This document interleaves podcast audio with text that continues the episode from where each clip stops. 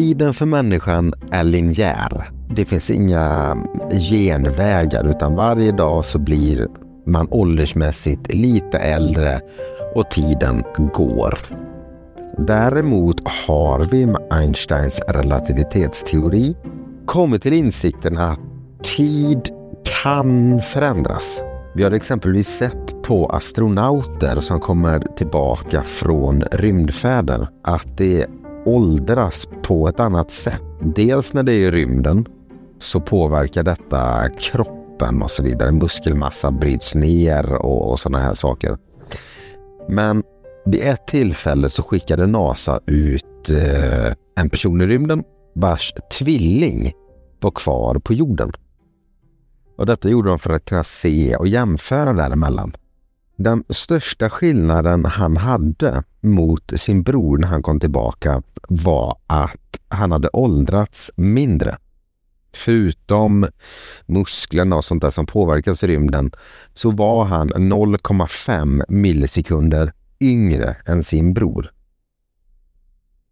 Det är ju väldigt, väldigt lite, men det är ändå ett faktum och den här tiden den här personen var i rymden var ju inte jättelångt heller. Men det det handlar om är att ju närmare ljusets hastighet du kommer, desto långsammare går tiden. Och det är det här som är relativitetsteorin.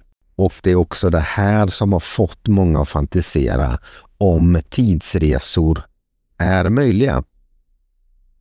I alla fall att du kan åka upp i rymden, vara långt borta, färdas väldigt fort för att sen komma tillbaka och då har tiden gått mycket fortare här på jorden än vad det har gjort för dem.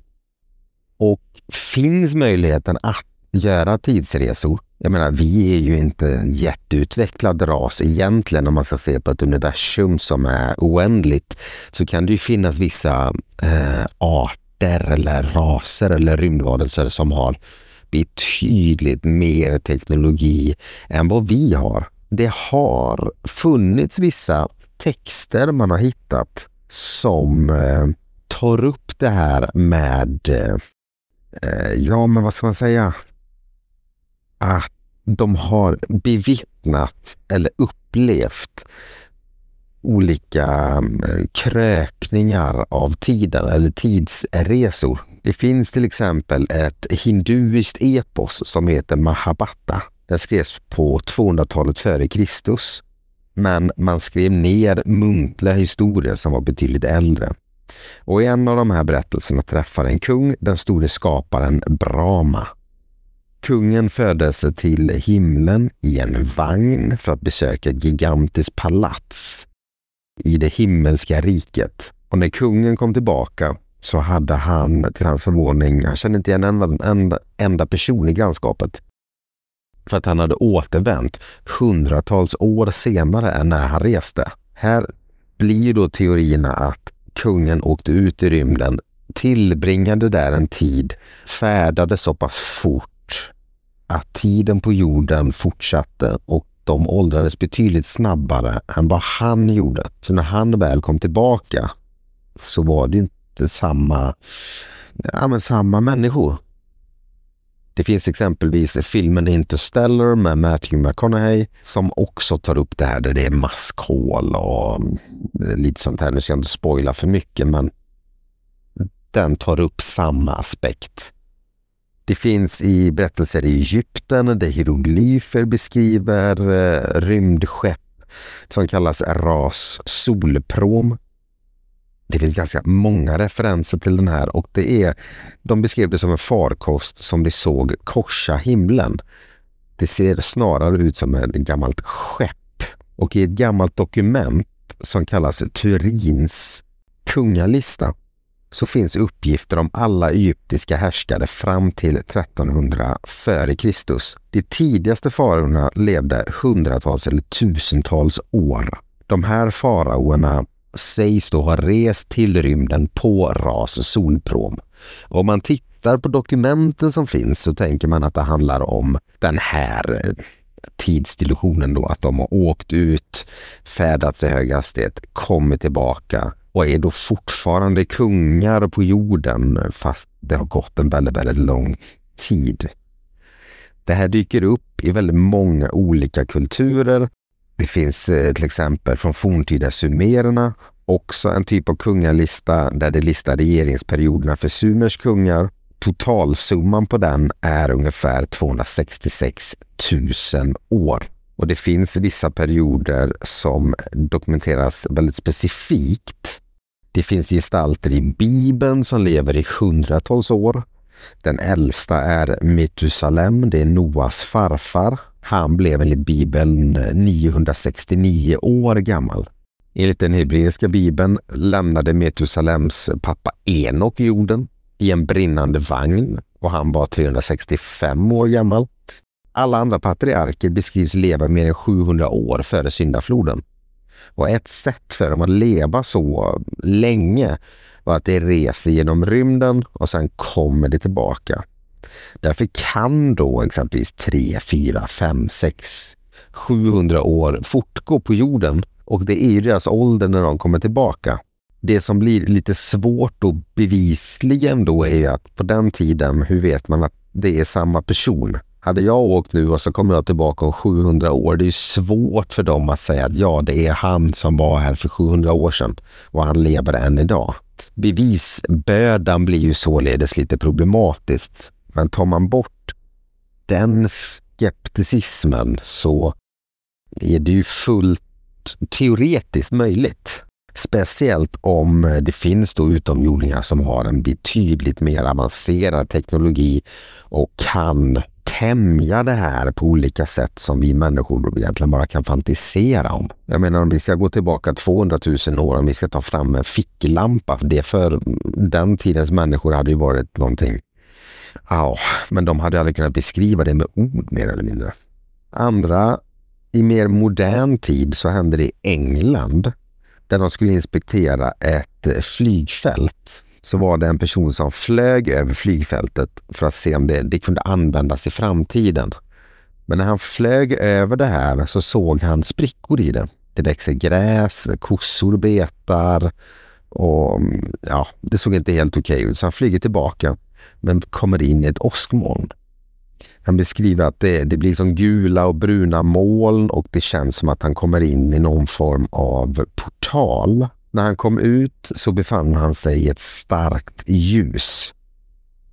Och sen flög han över samma fält igen, varav allt var reparerat. Det stod flygplan där, men de eh, var gula istället. Det fanns folk där som var klädda i blått och när han landade igen och berättade vad han såg så sa alla att det är, det är helt omöjligt.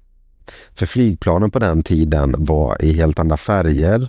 Mekanikernas uniformer var också andra färger. Men bara några år senare så ändrades färgerna på de här planen och uniformerna till de färgerna som han beskrev när han flög över det här flygfältet.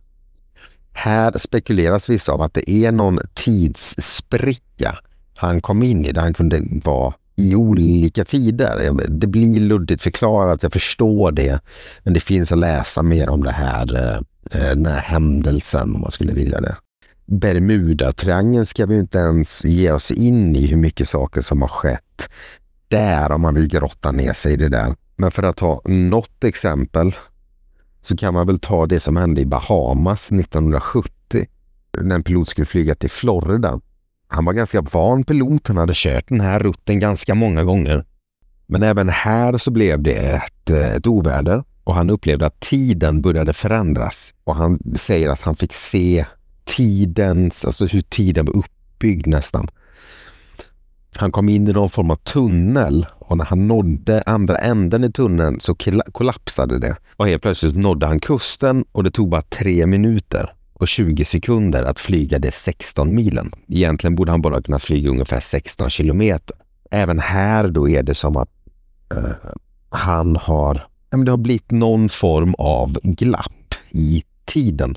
Men ett av de kanske mest kända exemplen från Bermudatriangeln är ju under eh, andra världskriget 1945 när det var fem stycken plan som alla försvann samtidigt. Det har skrivits ganska mycket om det här men det flög in i det här området. Ingen av kompasserna fungerade.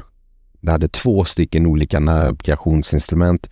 Inget fungerade av dem och sen bara planen försvann från radarn. Det sista man hörde från de här planen var att det brusade på ett lite udda sätt. Flottan skickade ut, eh, givetvis ut på ett räddningsuppdrag och ville se ifall de kunde hitta vrakdelar från de här planen. Men de hittade ingenting. Det är ju skepp som har försvunnit här, andra flygplan, men vad som inte alltid sägs är att Bermudatriangeln är ju ett väldigt, väldigt stort område. Det är jättestort. Uh, och det sker mycket oväder här och sker någonting så hänvisas det ofta till att ah, men det är Bermudatriangeln. Eh, det kan vara elektromagnetiska grejer har det spekulerats om. Det är olika, men att det har skett udda saker här, så är det ju.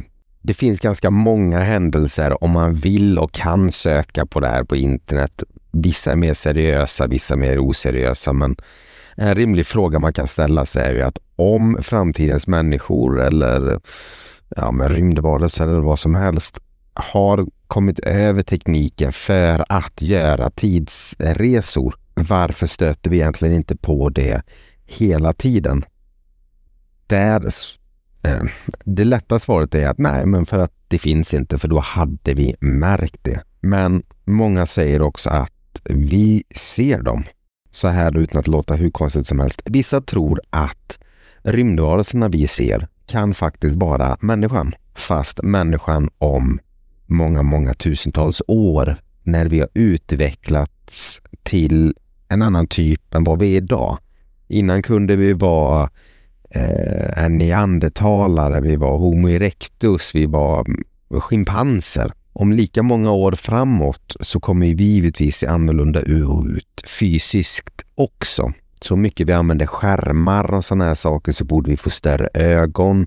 Vi borde få större hjärnor och huvuden för att vi tänker mer än vad vi arbetar med kroppen. Och att de ufona vi ser, rymdvarelserna som folk har stött på, kan egentligen vara människor som gör tidsresor. Fast människor som inte ser ut som vi gör idag det finns ju forskning där de tar fram på hur människor faktiskt kan komma att se ut i framtiden med tanke på hur vi lever våra liv. Och då är det inte helt olik sådana rymdvarelser som de här små korta med stora huvuden, stora ögon, långa fingrar. Det är någonstans där forskarna tror att vi faktiskt kan landa. Här är ju en annan då spännande vinkel för att det kanske inte är rymdvarelser man ser när det är ufon eller mm, hela den här biten utan det kanske faktiskt är människor som forskar eller kikar på hur vi hade det idag för att kunna förstå sin historia mycket bättre. Och att det i sin framtid kommer tillbaka hit kan ge oss eh, information om ny eh, ja, men, nya uppfinningar eller kan hjälpa till i vissa katastrofer.